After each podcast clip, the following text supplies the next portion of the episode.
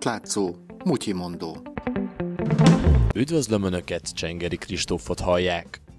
Mórahalmon új táblák hirdetik az uniós projekteket, de munkának nyoma sincs.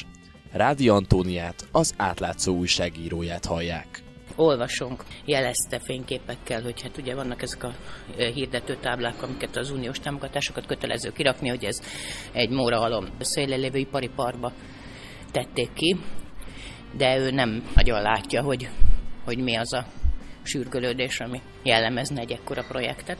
Ezek a táblák több különböző projektet hirdetnek, de az elnyert pályázatok mind egy cégcsoporthoz köthetőek, tehát ugyanaz az érdekkor áll a projektek mögött. Ezt kutatták az átlátszó újságírói. Mi a céges kapcsolatokat néztük meg, és arra jutottunk, hogy hát a sor végén ott vannak a e, Duna kötődő befektetők. A Duna aszfaltról azt érdemes tudni, hogy amióta a Simicska Lajos érdekeltségébe tartozó közgép kegyvesztett infrastruktúrális beruházó lett, azóta átvette az udvari beszállító szerepét. Az nem világos, hogy mi köze a Duna aszfaltnak egy informatikai beruházáshoz, amit elvileg Mórahalmon végeznek. Én el tudom képzelni azt, hogy, hogy ezt csinálja ez a cég, tehát hogy ez nem, nem kamu, csak éppen nem Mórahalmon, hanem valahol máshol, ahonnan nehezebb uniós pályázatot nyerni, mert Budapest környéke, Közép-Magyarország, ez elég gyakori és bevett dolog, hogy csinálnak ezért a cégek egy e, valami lerakatot. Ezek a lerakatok pedig az ország szegényebb régióiból szépen felszívják az uniós támogatásokat. Az átlátszó újságírói megkeresték a beruházásért felelős pályázót.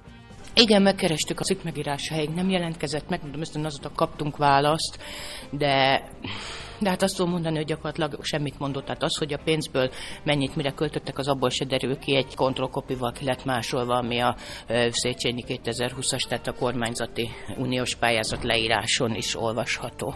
Nyomasztó, hogy mennyire általánosak az ilyen történetek naivitás volna meglepődni, hogyha egy több mint egy milliárdos projektnél ismert nevek bukkannak elő és a tanulságot is egy mondatban meg lehet fogalmazni.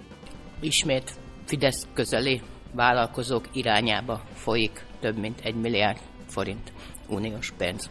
Rádi Antóniát, az átlátszó újságíróját hallották.